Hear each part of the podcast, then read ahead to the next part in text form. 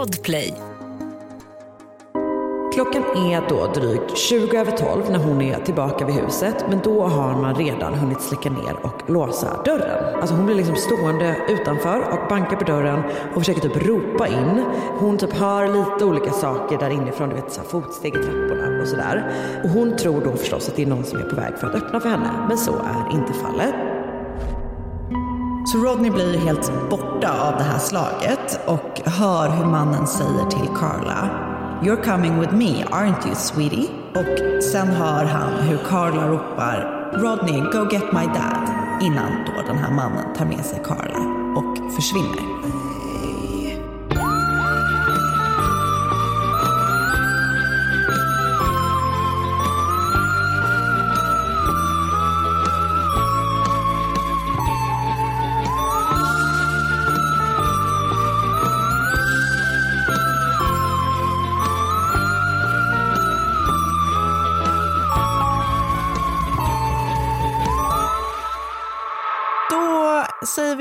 Hjärtligt välkomna till veckans avsnitt av Mord mot mord. Ett så kallat vanligt avsnitt till skillnad från förra veckans avsnitt. Exakt, ett helt vanligt icke-live avsnitt. Hur känns det Karin Londré som är min partner in crime? In many ways.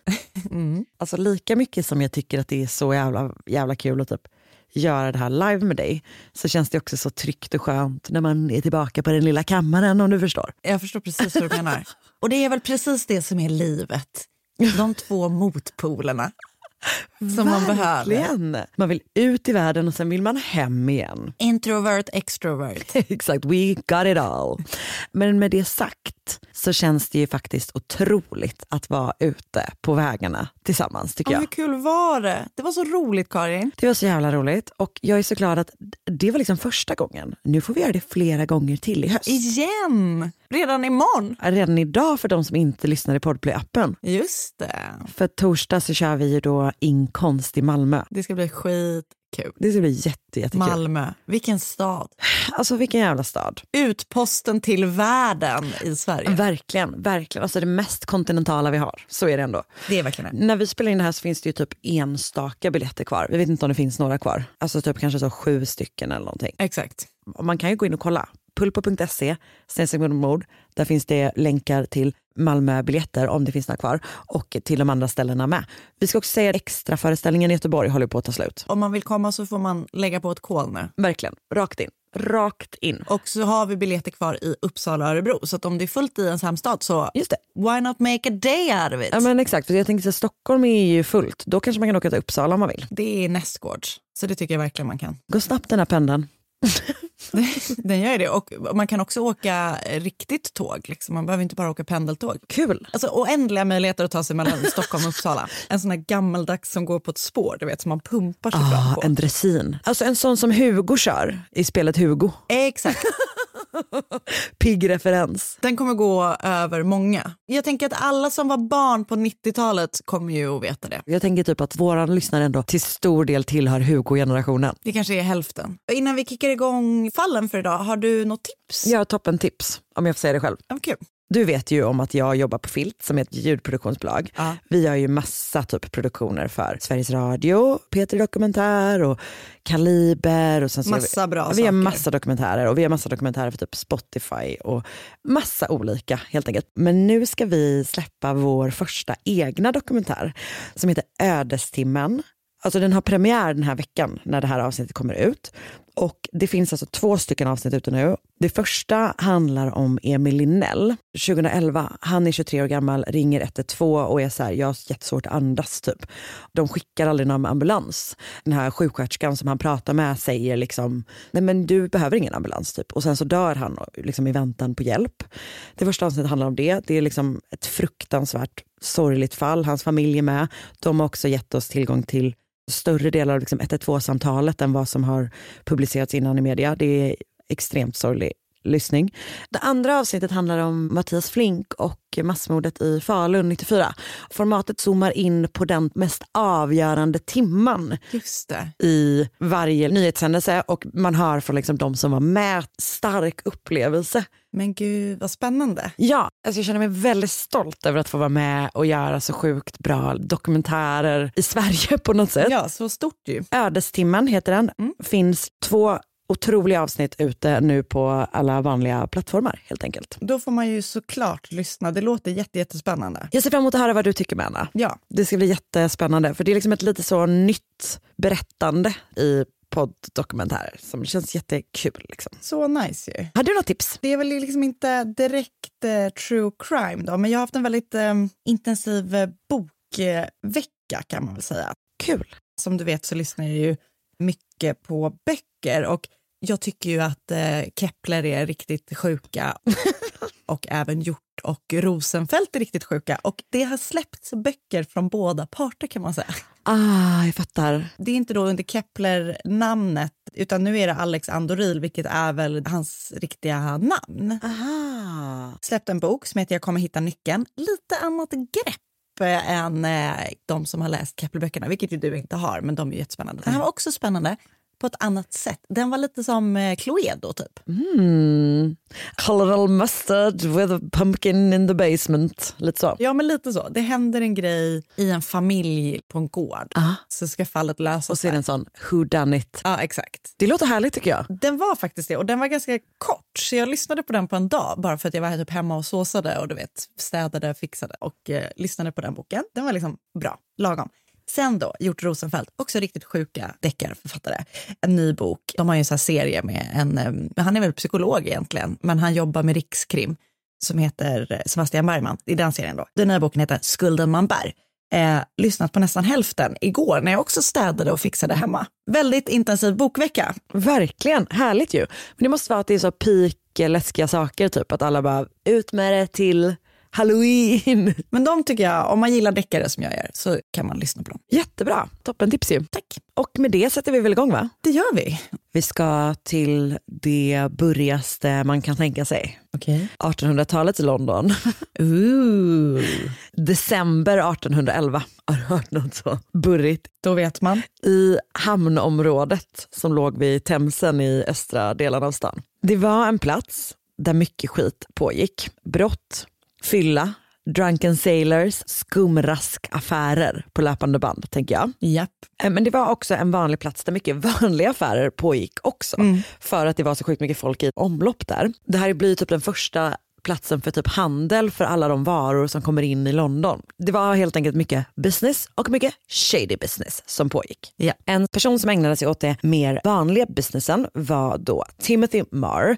Han var vid det laget någonstans i mitten av 20-årsåldern, redan pensionerad sjöman. Uh, då vet man hur hårt det var. Det var ett tufft liv. Han började säkert jobba på sjön som sjuåring. Han hade då seglat på handelsfartyg tidigare men gått i land och istället öppnat en tygaffär på 29 Ratcliffe Highway. Som jag tänker att det ofta var på den tiden så ligger tygaffären i samma byggnad som Timothy då bor tillsammans med sin familj. Och hans familj består av Celia, hans fru, deras son Timothy. Båda två heter alltså Timothy.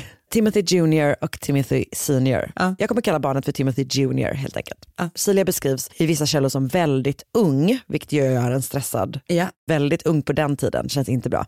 Men jag läste i andra källor att hon var typ 24, så jag vet inte. Okej. Timothy är 14 veckor gammal den 7 december 1811. Okej. I huset bodde också Timothys lärling James Gowan och deras husa Margaret Jewel. Den här kvällen har man då just slutat arbeta i familjen Mars hus för utöver att man har haft en snickare över under dagen, en snubbe som heter Cornelius Hart, vilket är ett sånt här jävla toppen namn. Cornelius Hart i alla fall hjälpte då inte Timothy Junior utan Timothy Senior med renoveringar i tygaffären. Japp. Och klockan börjar närma sig 12 när det är dags att sluta jobba. Och det här förvånade mig så mycket, alltså att det var igång så sent. Verkligen. Alltså att de typ stängde sin tygaffär vid midnatt. Det var tydligen helt vanliga öppettider för affärer i London vid den här tiden. Det är inte heller det minsta konstigt att Timothy Marr, Timothy Senior, strax innan midnatt skickar ut Margaret Jewel på två ärenden i Londonnatten. Delvis ska hon gå till bageriet och betala en skuld och delvis ska hon gå och köpa ostron. Timothy och James är då hungriga. Ostron var ju en sån liksom fattigmansmat väldigt mycket. Att det fanns sjukt mycket, de var jättebilliga. Men det känns inte som att man får så mycket. Det är inget som man släcker hungern med, tänker jag, liksom spontant när jag tänker på ostron. Det beror på hur många, många man äter. Ja, men man vill ju inte ha mer än sex kanske, max. Jag kan ändå äta fler, men det känns som att man måste verkligen äta sin kroppsvikt för att känna det minsta mättnad. Alltså man måste äta 150 Exakt. för att bli mätt. Men Margaret går i alla fall ut då, men hon har otur. Bageriet är stängt och hon går också till flera ostronaffärer som också alla är stängda. Så så himla öppet verkar det inte ha varit. Det var bara de som hade öppet till 12. Hon är borta typ så, någonstans mellan 20 och 30 minuter. Hon inser typ så här, det är ingen mening att jag håller på med det här mer. Jag måste återvända tomhänt, utan ostron och med en obetald skuld. Uh -oh. Ett poddtips från Podplay. I podden Något Kaiko garanterar östgötarna Brutti och jag, Davva, dig en stor dos skratt.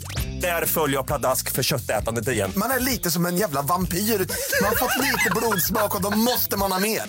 Udda spaningar, fängslande anekdoter och en och annan arg rant. Jag måste ha mitt kaffe på morgonen för annars är jag ingen trevlig människa. Då är du ingen trevlig människa, punkt. Något Kaiko, hör du på Podplay. Därför är gardinerna.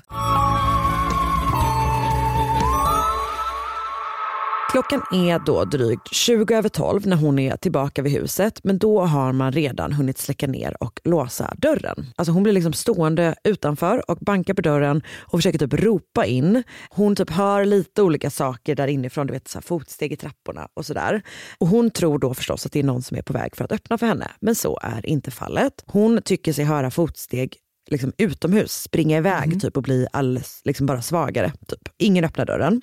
Så hon fortsätter knacka, hon fortsätter att gorma och försöker då få sina arbetsgivare att släppa in henne. Mm. Vid den här tiden så har man då så kallade watchmen som vandrar runt i stan. De håller delvis typ koll på om det är någon skit på gång. Delvis så gormar de också ut tiden varje halvtimme. Åh gud.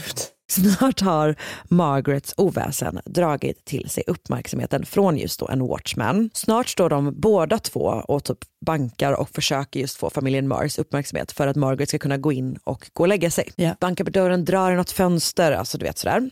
Och det i sin tur får då uppmärksamhet från en granne som heter John Murray som kommer ut och undrar vad som står på. Han föreslår att han ska hoppa över staketet mellan hans trädgård eller hans bakgård och familjen Mars bakgård medan de andra då står kvar på gatan. Sagt och gjort. Han kommer in i trädgården och känner på bakdörren och inser att den är olåst. Huset är tyst och mörkt när han kommer in. Han ropar typ lite svagt utanför paret Mars halvöppna sovrumsdörr men får typ också en känsla av att de sover så han vill liksom inte väcka någon. Så istället så bestämmer han sig för att öppna dörren för Margaret från insidan så att hon kan gå och lägga sig helt enkelt. Men när han kommer ner så möts han av en fruktansvärd scen. För på golvet så ligger den unga lärlingen James Gowan död på golvet. Han har utsatts för ett fruktansvärt våld, framförallt mot huvudet med ett trubbigt föremål. Snart ser grannen Murray nästa hemska sak, nämligen Celia Marr som ligger bara några meter bort. Hon har blivit utsatt för samma väldigt grova våld. John rusar mot dörren och slänger upp den och ropar till den lilla folksamling som nu samlats utanför. Murder, murder, come and see what murder is here. Oj. De pratade verkligen på ett sätt förr i tiden. Ja. Tillbaka in i huset så hittar de också Timothy Marr mördad på samma sätt. Han ligger då i tygaffären och tyvärr kommer man också senare att hitta Timothy Jr på samma sätt. Det här är ett fruktansvärt brott. Alltså fyra döda och detta har skett under en tidsperiod av mindre än 30 minuter. Oj. Margaret, husan, hon har ju hört någon röra sig in i huset när hon kommer tillbaka. Så att antagligen har ju liksom mördaren varit där när hon är tillbaka. Men det är ändå ett sånt extremt kort fönster, litet fönster för sån fruktansvärt brott. Helt sjukt ju. Och snart sprider sig då den här nyheten om massmordet i London och dagarna efter mordet så börjar då folk dyka upp och göra den typen av helt absurd skit som man gjorde förr i tiden. Alltså de köar för att gå in i huset och kolla på brottsplatsen och de mördare. Men gud. Det blir en sån jävla attraktion. Det är hemskt. Sinnessjukt. Jag ska säga det, alltså, jag är precis på väg att säga det är inte mycket till brottsplatsundersökning. Det fanns ju ingen polis vid den här tiden. Ah, perfekt. Alltså de hade typ startat någon Themsen-polis lite grann. Men du vet det fanns ingen London-polis, det kommer typ 18 år senare. Så det finns ingen samordning. Nej. Utan det verkar snarare som att bland annat typ kyrkan på något sätt är inne och typ betalar för utredningar. Liksom. De har ett finger med överallt, back in the days. Exakt, verkligen så. De börjar typ ändå på något sätt utreda, det är någon slags Themsen-polis eller någon du vet sådär som börjar typ kolla på det här. Det blir ändå en liksom tillordnad utredare som ska jobba med brottet. De gör någon slags brottsplatsundersökning då kan man tänka sig i samband med att det strömmar till olika turistgrupper. Liksom. Eh, Men man hittar i alla fall mordvapnet i huset. Det är en slags hammare som skeppsbyggare använder och den hittas liksom blodig på platsen. Typ. Så att den är så här, det är tydligt att den har använts. Eh, Den här polisen hittar också en mejsel som ligger nästan som alltså på display på någon typ bänk. Liksom. Men det finns inga blodspår eller så på den. Okej. Man hittar två par blodiga fotspår som lämnar platsen och det här gör ju då att man tror att det är två gärningsmän. Delvis på grund av de här fotspåren och delvis på grund av att man har lyckats mörda så många på så kort tid och att de ändå ligger nära varandra och sådär. Liksom. Däremot så är ju våldet detsamma vad jag har förstått. Liksom på alla kroppar. Typ. Motivet misstänks då förstås vara någon slags fruktansvärt rånmord men polisen hittar pengar i Timothy Mars fickor och också en stor summa i en låda i sovrummet. Å andra sidan så tänker man att tjuven kanske helt enkelt blev avbruten när Margaret kom hem och behövde fly. Det. Det finns ju liksom inget rättssystem riktigt så. Eller så här, det finns ju liksom spår av alla de här sakerna. Det fanns ju rättssystem långt innan det med. Liksom. Men man håller en utredning som jag tänker lite grann ersätter det, liksom den traditionella förundersökningen på ett sätt. Man har ju liksom en sån inquest som ju ofta då hålls på olika pubbar. Typ. Där man helt enkelt hör alla vittnen och sen så fastställer en jury vad de tror att det är som har hänt. Alltså om det har varit typ foul play eller om det inte har varit det. Liksom. Så sån håller man då och där hörs alla vittnen, alltså Margaret och den här eh, snickaren som varit inne och jobbat och sådär. Liksom. Och man kommer då fram till att det här uppenbarligen har varit ett mord. Efter det så begravs familjen Marr och även James Gowan och belöningen till den som kommer med avgörande information växer allt mer. Delvis så kommer liksom den spåret av polis som finns men också de här olika liksom, grupperna som är med och utreder mer lokalt liksom, bidrar med pengar. Och veckorna efter morden så griper polisen folk på random och typ tvingas släppa dem om och om igen. Alltså, du vet, redan första natten griper man tre grekiska sjömän. Alltså för att man bara, de Man chansar lite typ. Ja, man chansar jättemycket kan man säga. Ingenting leder någonstans och oron växer förstås allt mer i London. Och det man är rädd för är ju så här, kommer den här mördaren slå till igen? Och det kommer han. Okej. Eller de, oklart. Det kommer en till attack den 19 december. Så det är alltså 12 dagar efter Marmorden. Då klättrar en halvnaken man ut genom ett fönster ovanför puben Kings Arms på New Gravel Lane. Mannen klättrar på ett liksom, rep han har gjort av ihopbundna lakan medan han skriker murder, murder. Den här mannen heter John Turner. Det är många John nu. Grannen heter John. Nu heter den här halvnakna repmannen John. Det kommer komma två John till, så Okej. bear with me. Verkligen. Han heter John Turner. Man behöver inte komma ihåg det så mycket mer än att det är en stark scen att han klättrar ut Allting när man är naken gör det starkare på något vis. och skriker murder, murder. Fast det är också kul att det sägs, det står att han är naken. Men jag har också läst att han berättar att han har på sig sin nattmössa, sin nattkostym. Men det är typ, vid den tiden räknades det väl som naken antar jag. Jag tänker se det framför mig som att han är helt naken förutom sin nattmössa. Så kommer jag välja att. Glider ner med lakanen mellan skinkorna. Ja, perfekt, så kommer jag tolka det. Murder, murder. Hans entré skapar som du förstår stor uppmärksamhet och snart har några av männen i folksamlingen utanför den här puben, de har bestämt sig för att så här, vi ska gå in och undersöka vad det är som har hänt. Där inne hittar man pubens ägare, 56-åriga John Williamson och Elizabeth Williamson och så deras eh, husa Bridget Anna Harrington som var i sena 50-årsåldern. De har alla utsatts för våld som liknar det i det förra brottet men det är ännu grövre. Man har också typ använt en kniv i det här fallet eh, eller något liknande föremål och alla är döda redan vid upptäckten. Snart går ett liksom, alarm för typ, volontärer i området och nu börjar liksom, allmänheten desperat leta efter mördaren eller mördarna och man stänger, det här tycker jag är starkt, ner London Bridge för att ingen ska kunna fly över ån. Oj. När man söker igenom huset får man en chock. I ett rum på övervåningen ser då vad man tror är en kropp ligga i en säng men när man typ går närmare så sätter sig personen upp. Fy fan vad läskigt. Jag vet panik. Det är deras 14-åriga barnbarn Kitty Stillwell. Hon har sovit igenom hela den här attacken. Men gud. Hon har ju liksom bara haft tur. Antingen för att de har blivit avbrutna av att det här att han har åkt ner på det här repet eller att de inte helt enkelt visste att hon var där. Liksom. Men hon liksom är helt oskadd helt enkelt. Mm. Men någon då som inte har sovit igenom alltihop är alltså John Turner, mannen på repet mannen på lakanet. Strax innan elva på kvällen kom han hem till Kings Arms för att gå och lägga sig. Han har hyrt ett rum där i typ åtta månader tror jag. Mm. Eh, och det här var ingen super rowdy bar för det orkade inte paret Williamson med. Det här är jag väldigt för. De driver en pub men de stänger väldigt tidigt för att de mm. inte orkar med att folk ska komma dit och vara fulla. 100 procent. Verkligen. När han kommer hem så håller liksom, alltså de har stängt och typ, de håller på att gå och lägga sig. Liksom. Så han går upp till sitt rum och där hör han Elisabeth stänga och låsa ytterdörren och sen så är det som att det kommer en stor smäll. Det här vittnar han om i en sån här pub-inquest senare. Då. Uh. Sen säger han att det han hör härnäst efter den här stora smällen är Bridget som ropar “We are all murdered”. Okay. Följt av John Williamson som ropar “I am a dead man”. Jag älskar hur du tolkar 1800-talsröster. We are all Vad tänker du då? Jag älskar det. Jag tror att du gör helt rätt. Jag tycker det är helt rätt. Ah, okay. Det är kul att, typ, alltså att man bara säger, ah just det, det är här teater kom på. Alltså du vet hur man låter på teatern. yeah. Verkligen. We are all murdered. I am a dead man, ropar han då. Han hör någon slags eh, slag typ innan han bestämmer sig för att undersöka och smyger då ner för trappan. Där ser han en man, drygt 180 cm lång, i mörk jacka som står lutad över Elizabeth Williamson och går igenom hennes fickor.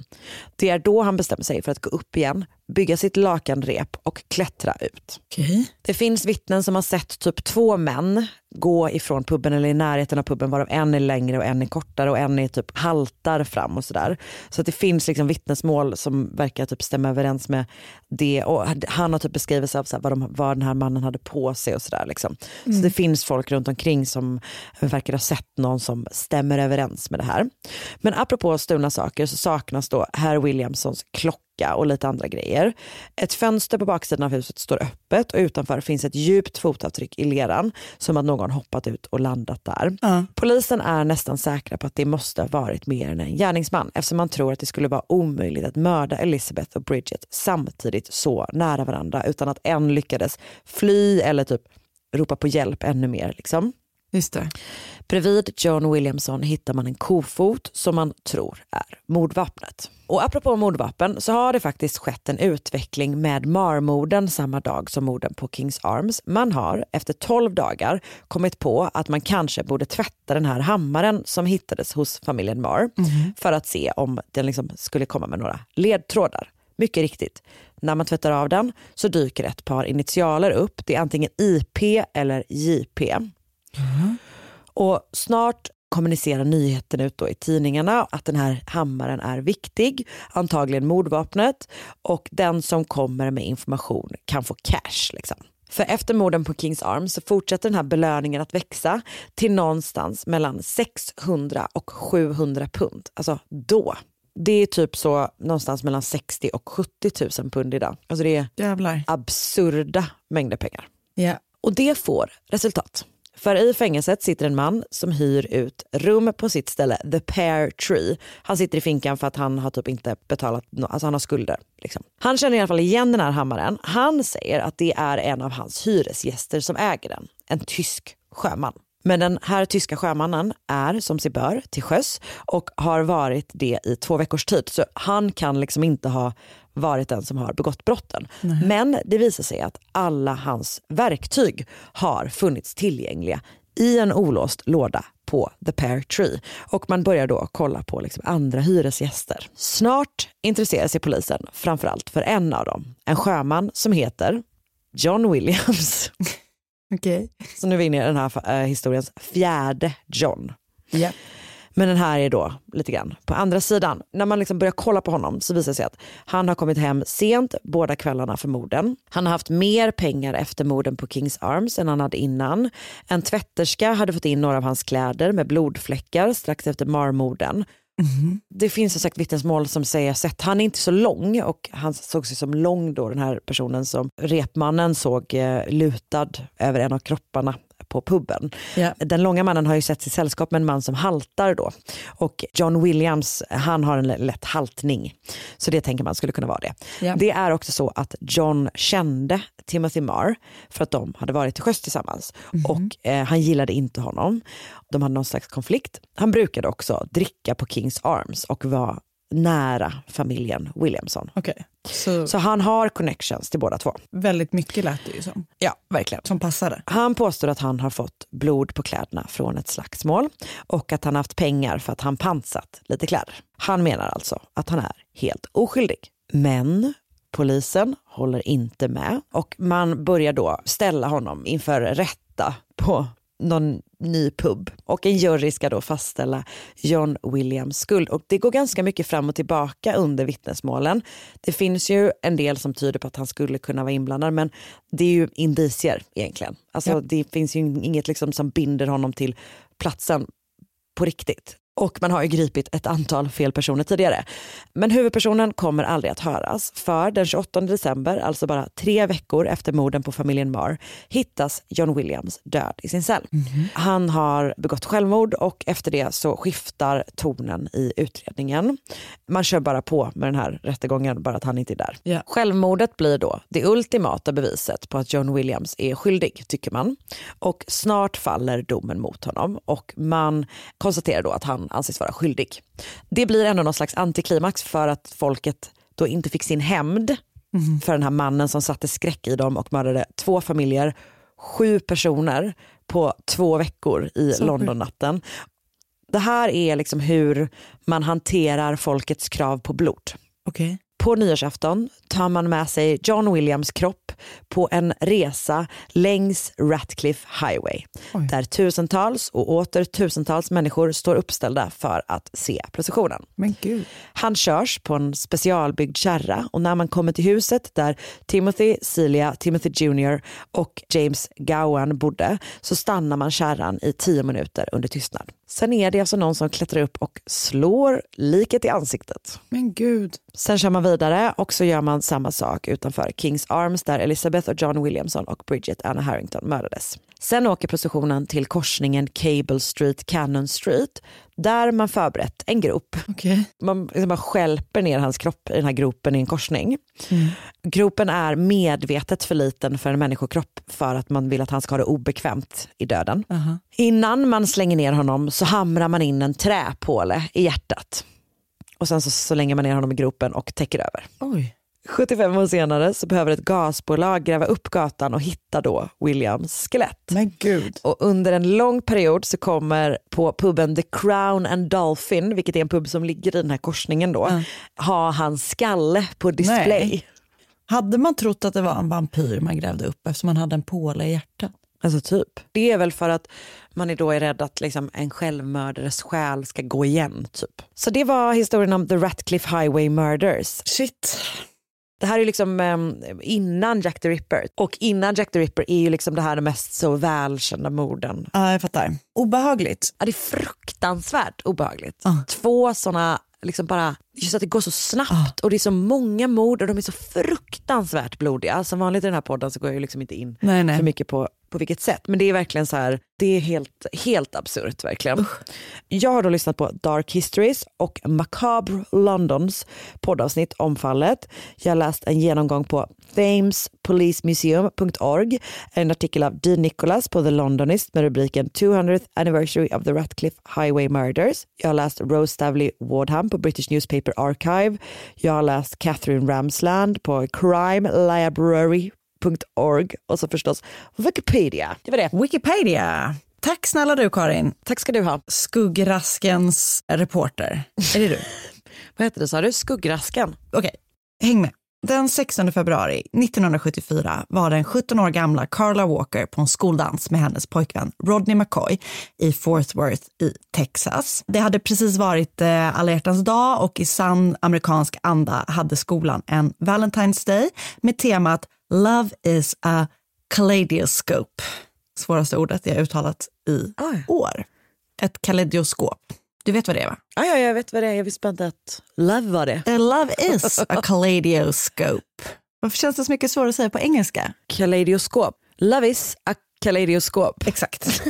De har då varit på den här dansen och Carla var liksom otroligt poppis i skolan. Eh, det beskrivs som att hon vet, var sånt som alla gillade. Hon log och hälsade på alla hon kände. Hon var eh, cheerleader och Rodney då var skolans quarterback. Så de var liksom ett sånt vet, typiskt eh, high school par som alla kände, alla gillade och du vet, de en sån eh, high school sweethearts classics. Som en film typ?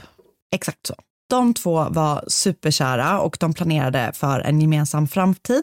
De tänkte att de skulle söka till Texas Tech University och eh, alla runt omkring dem var liksom helt säkra på att de skulle gifta sig.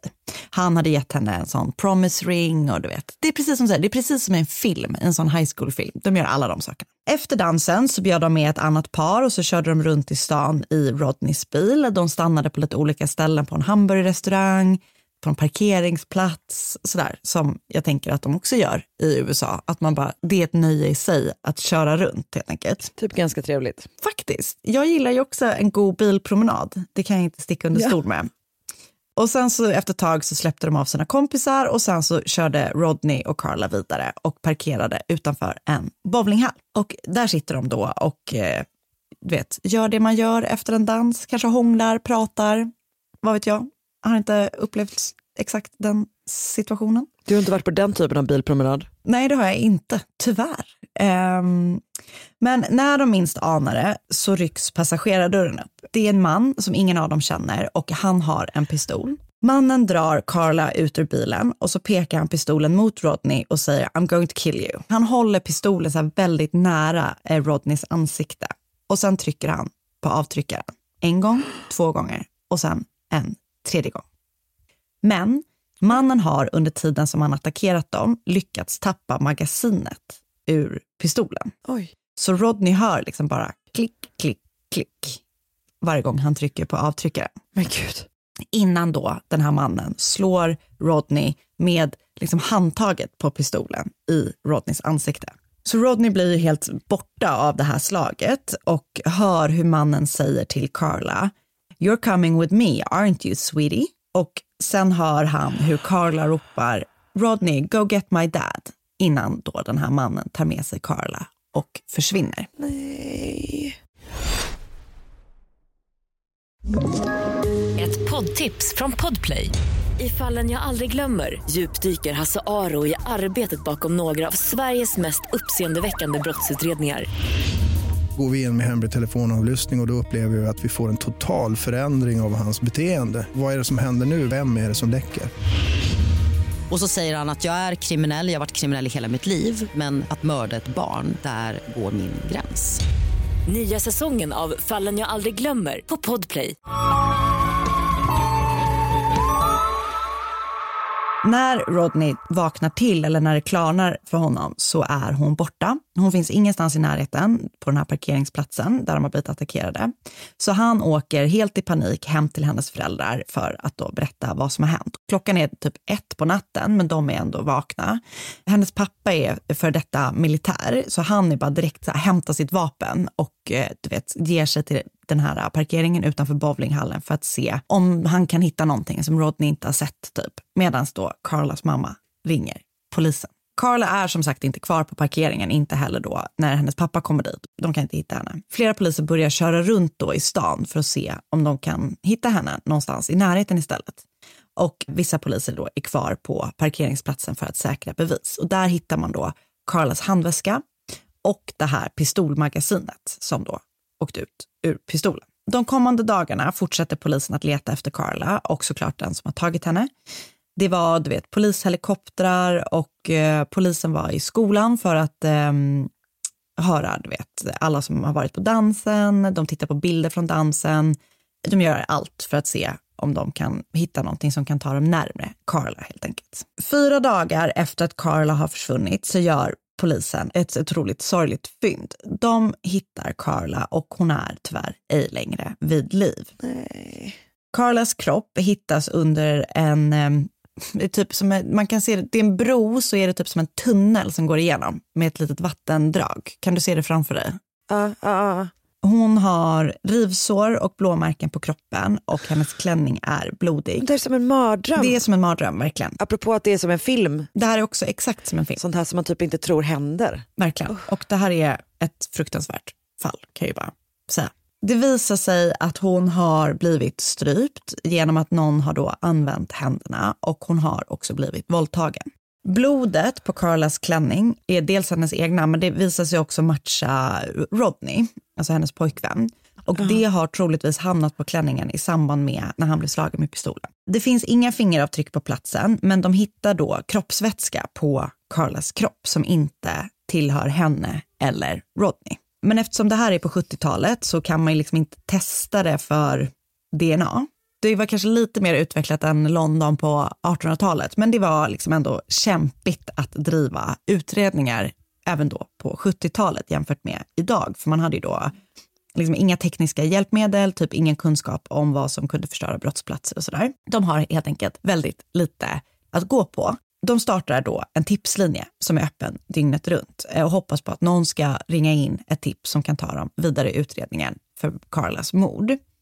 Det är ju så här, när, när man startar upp sådana där så det, får man ju in massa galningar helt enkelt som ringer Inte in hjälper med någonting. som inte hjälper någonting utan som typ bara jävlas med utredningen och eh, familjen typ. Så att det vet, någon ringer in att det är så här, det är en kille som alltid är bowlar ensam på den här bowlinghallen, det måste vara han. Eh, en annan som var så här, det är någon som jobbar på den här kringresande karnevalen som varit i staden. Eh, någon berättade att vet, Rodney hade bråkat med någon tidigare på kvällen. De, de, de får in jättemånga olika samtal där folk egentligen bara typ tror sig veta vem som kan ha gjort det här. Det där känns ju också så svårt. Typ. Man vill ju att folk ska ringa med minsta hunch för att man vet aldrig vad som leder någonstans. Absolut. Och samtidigt så gör det liksom utredningsarbetet så sjukt svårt när de har, får in så extremt mycket. Liksom. Väldigt svår balans. Så utöver den här tipslinjen så anlitar polisen också någon som hypnotiserar Rodney. Han är ju alltså totalt förstörd efter det som har hänt. Han har eh, fått en skallskada efter att han har blivit slagen. Tänk dig honom, han är typ 17-18 år. Nej, alltså, Det är ju inte hans fel, men den skulden som eh, han måste bära på, och som han berättar att han också gör. Alltså han kan inte, han är helt, helt, helt förstörd helt enkelt. Han blir hypnotiserad och i hypnosen då så minns han, eller man ska säga, att det, den här mannen då är runt 1,80 och att han haft på sig en beige eller brun cowboyhatt när han attackerade Carla och Rodney. Polisen tar också fram en lista på personer som har en sån pistol som magasinet hör till. Det följer ut, så de vet ju vilken modell förövaren har haft helt enkelt. De tar fram en lista och så vet, gör de någon så här, sållar ut på vissa sätt. Så har de till slut då en lista med ett dussintal namn som de pratar med alla de här männen. Inget av samtalen leder någonstans. De flesta har bra alibin eller berättelser om vad deras pistol har gjort. Eller man ska säga. De avskrivs allihopa från någon misstanke. Någon har varit bortrest eller du vet, någon har fått sin pistol stulen. Det är massa sådär. Det är ingen av de här äh, dussintalet männen som anses gå att knyta till överfallet helt enkelt. Tiden går och till slut så tvingas polisen att lägga resurser på andra fall också. Mordet på Carla faller allt mer i glömska hos polisen och även då staden i stort. Familjen glömmer ju såklart inte. De sörjer Carla varje dag och får ta emot så många samtal genom åren där personer ringer. Du vet, ibland är de bara tysta i luren eller vissa då berättar saker som de vet, alltså inom stora air quotes. Eh, de får utstå liksom, lite terror helt enkelt, kan man väl säga. En sak som polisen då inte hade kommunicerat till allmänheten när de började utreda fallet på Carla är då att ett år innan hon har hittats mördad så har de också hittat en annan ung kvinna mördad. Becky Martin hade inte kommit hem en kväll efter att hon hade varit i skolan och hon hittades sju veckor efter att hon hade försvunnit. Hennes kropp hade legat ute så länge att man inte kunde avgöra vad som hade dödat henne, men rättsläkaren sa att hon kunde eventuellt ha blivit skjuten eller huggen i magen. Och även om dödsorsaken skilde sig från hur Carla mördats så hade ju även Becky hittats i en sån här brotunnel. Ja, just det. Så att de kunde ju inte inte liksom ändå dra paralleller. De är typ samma ålder, ehm, du vet, hittas på liknande plats och så. När Carla försvinner så är den bara så här, okej, okay, nu har en ung kvinna hittats mördad. Vi hade ju den här kvinnan också ett år tidigare. Hör de ihop? Och de kommande åren så mördades ytterligare flera kvinnor i Fort Worth. 1977 oh. hittades den 25 år gamla June Ward. Hon hittades mördad längs en trottoarkant. Hon hade blivit strypt och slagen i huvudet. 1980 hittades den 19 år gamla Denise Ho. Även hon hade blivit strypt och hon hittades i närheten av en bäck.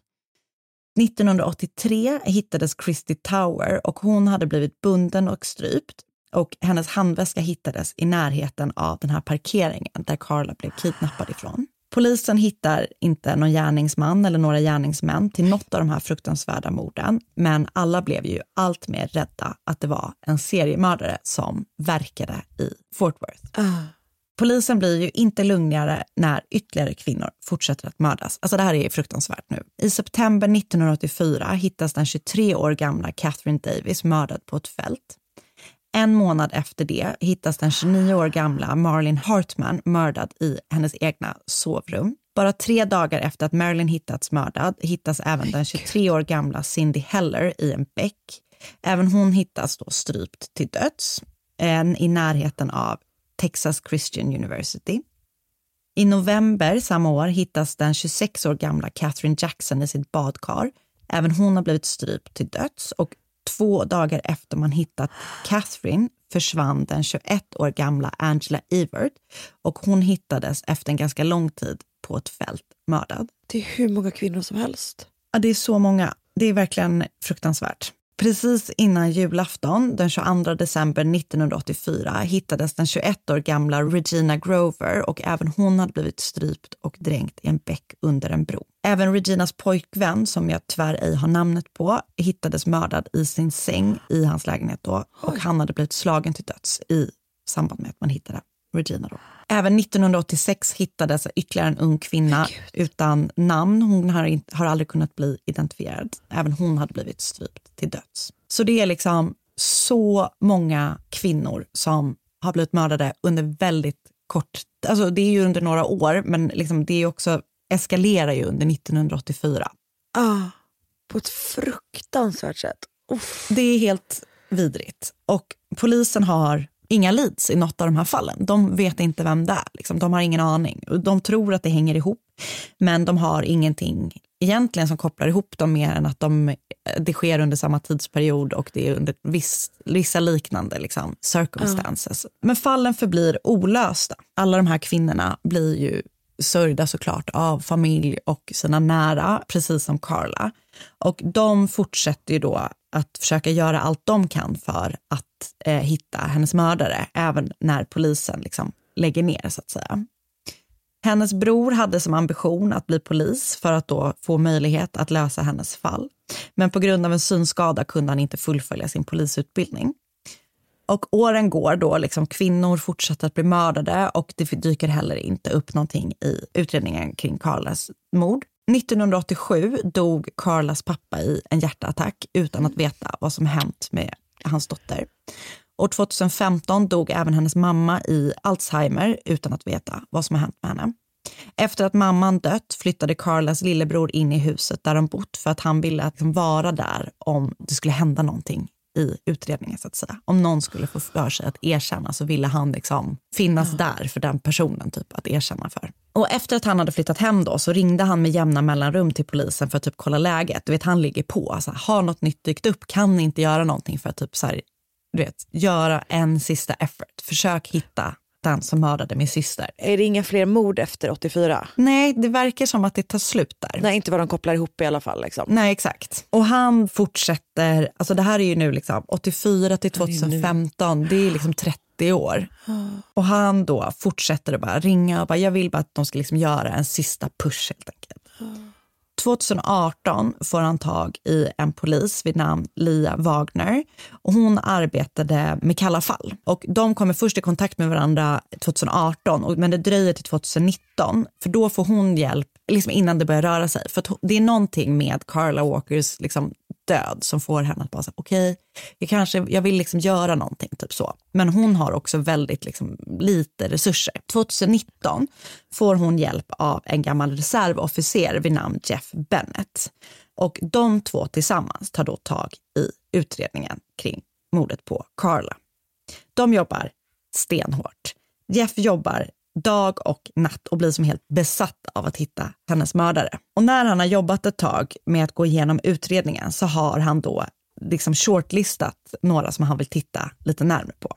Mm. Den är inte helt kort den här shortlisten han har gjort. Det är ungefär hundra namn på, men han har i alla fall liksom gjort någon slags eh, genomlysning av utredningen och typ så här ändå börjat narrow down och de börjar då gå igenom den här listan och det tar ju såklart tid. Så samtidigt som de arbetar på det här liksom ganska sega, långsamma spåret så inser de ju att på de här ungefär 40 åren som gått sedan Carla mördades så har det ju hänt ganska mycket med DNA-tekniken. Som tur var för alla så var Carlas klänning, som ju bar DNA-spår från den man då antog ja. har mördat henne, den har varit väldigt väl förvarat i alla de här 40 åren. Det skulle liksom vara skitdyrt att testa det här. Det ska kosta runt 20 000 dollar att göra det här DNA-testet. Så att först polisen bara så här, nej, det kan vi liksom inte lägga resurser på. Men det är en podcast som jobbar med kalla fall i Texas som är så här, vi vill hjälpa och gräva i Carlas död. Den heter Gone Cold Podcast och de liksom är så här, vi kommer göra allt för att typ raise that money. Och med hjälp då av Oxygen, du vet som gör massa true crime innehåll. Ja, just det. Får de då fram de här uh, pengarna för att sponsra DNA-testningen av Carlas klänning. De får fram då ett litet, litet sample från hennes klänning och kör då i en stor databas som går då mot kriminellas DNA. Det blir ingen match på det DNA-testet. Så de bara, fuck, nu har vi jättelite kvar. Alltså du vet. Ja, just det. Vad ska vi göra? Om vi testar det här igen och det inte blir någonting, då har vi ingenting kvar att gå på. Det är verkligen win or lose. Men de bestämmer sig för att köra och de kör DNA-testet mot en databas som heter Othram. Och det gör de verkligen så här på vinst och förlust. Nu, nu är vi bara testar. Och de har tur. De får en träff på ett familjeträd, som det heter. Och Jeff blir ju helt till sig. Familjeträdet tillhör en familj som heter McCurley. Så Jeff går tillbaka till sina papper, kollar på du vet, så här, vilka figurerade, fanns det någon McCurley 1974? Bibunk. Polisen har alltså pratat med en person 1974 som ägde en pistol av den modellen som magasinet fallit ur 1974 och avskrivit denna person. Han heter Glenn McCurley Jr. Okay. Så han har alltså bott i Fort Worth samtidigt som Carla mördades och haft en sån pistol som användes vid överfallet. Han har sagt att den blev stulen. De har alltså pratat med honom och han bara, ja nej absolut, jag har en sån pistol, den blev tyvärr stulen för sex veckor sedan så att eh, det är inte jag. Hej då. Och då har polisen varit så här, okej, okay, tack snälla du, hej då. Uh. Han är liksom en helt vanlig man vid tiden för överfallet. Eller han ser ut att vara en helt vanlig man utifrån. Han är gift, han har barn, han arbetar som lastbilschaufför. Och eh, efter att hans son gick bort och då har han eh, då slutat köra lastbil och istället ar arbetat som typ hantverkare och allt i allo på ett gym i Fort Worth. Så han har liksom bott och levt i Fort Worth både när eh, Carla blev mördad, men också då liksom efter. Och bara levt ett helt vanligt familjeliv där. Gått till jobbet, levt med sin fru, du vet så. Jeff och Lia åker för att prata med honom. Eh, han bor då med, med sin fru som han var gift med 1974 och han har ju då blivit gammal. Han har varit sjuk och du vet, så här, han är en gammal gubbe helt enkelt nu när vi är då framme vid 2019. Ah. De berättar varför de är där och frågar då om de får ta ett DNA-prov från honom. Han ställer upp på det utan tvekan och hans fru också bara så här, det är klart, typ, alltså testa honom, typ så. Elva dagar efter att de har varit hemma hos Glenn och hans fru så får de testresultatet på hans DNA och det är då en perfekt match mot det som hittats på Carla. Glenn McCurley plockas in då och han förnekar allt. Han vet inte vem Carla är, han har inte haft någonting med hennes död att göra. Polisen nämner också då alla de här andra morden som skedde innan och efter Carla dött, men han är bara så här, jag vet inte vad ni pratar om. Polisen fortsätter att liksom förhöra honom, pusha honom. Alltså, vet, de bara så här, men vi vet att det är du, vi har den här DNA-matchningen. Och till slut så ger han med sig och säger I did do it, I guess. Okej. Han berättar då sin version av den här kvällen. Han berättar att han har druckit hela dagen. Sen har han då kört omkring och till slut hamnat på samma parkeringsplats som Carla och Rodney.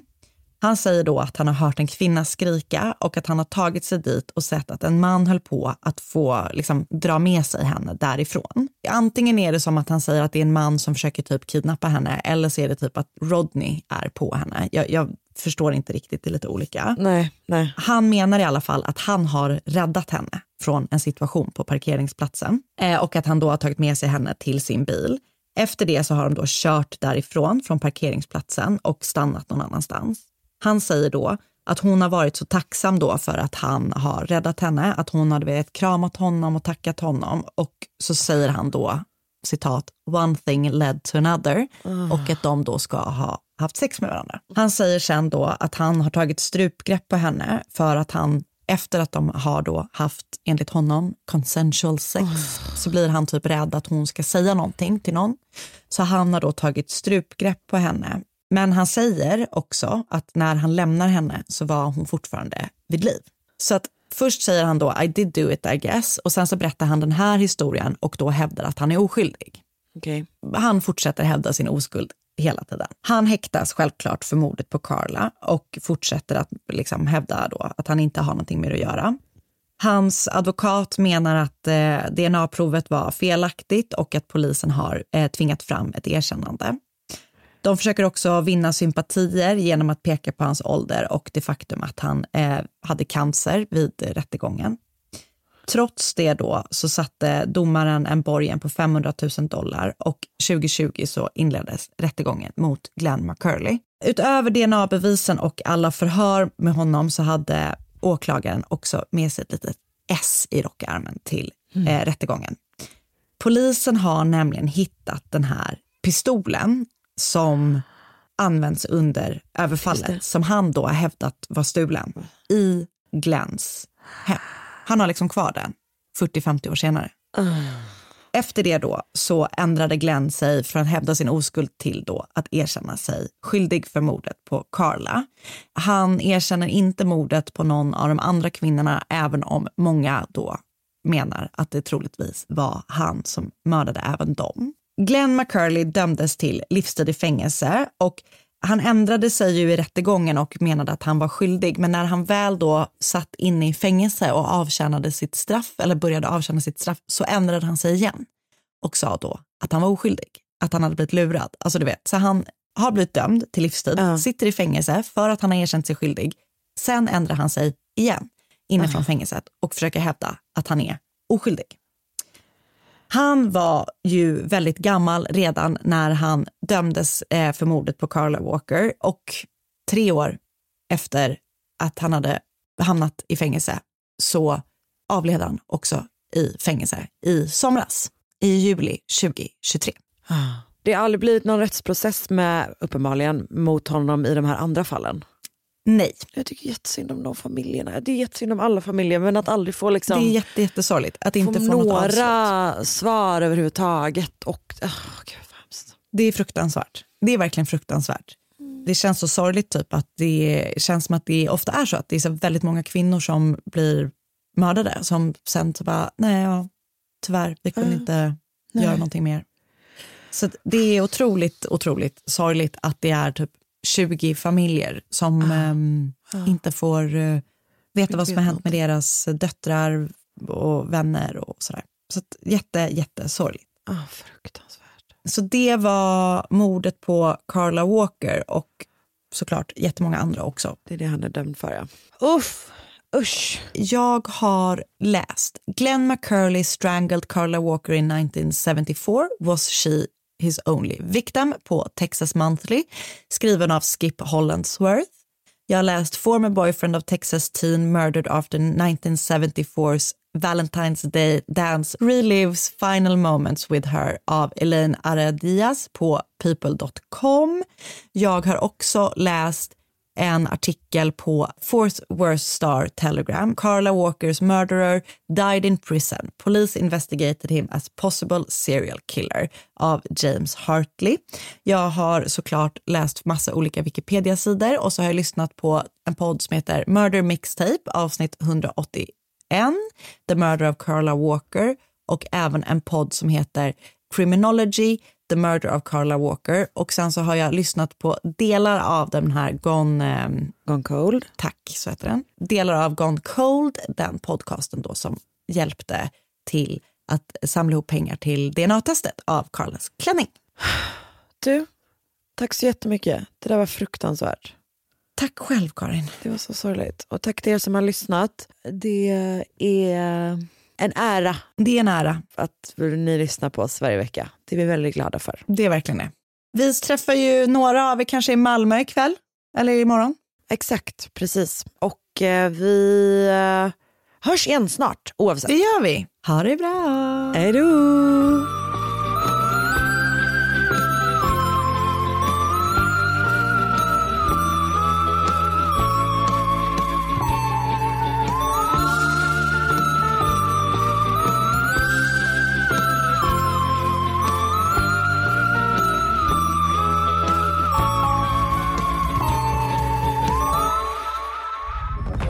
Podplay, en del av Power Media.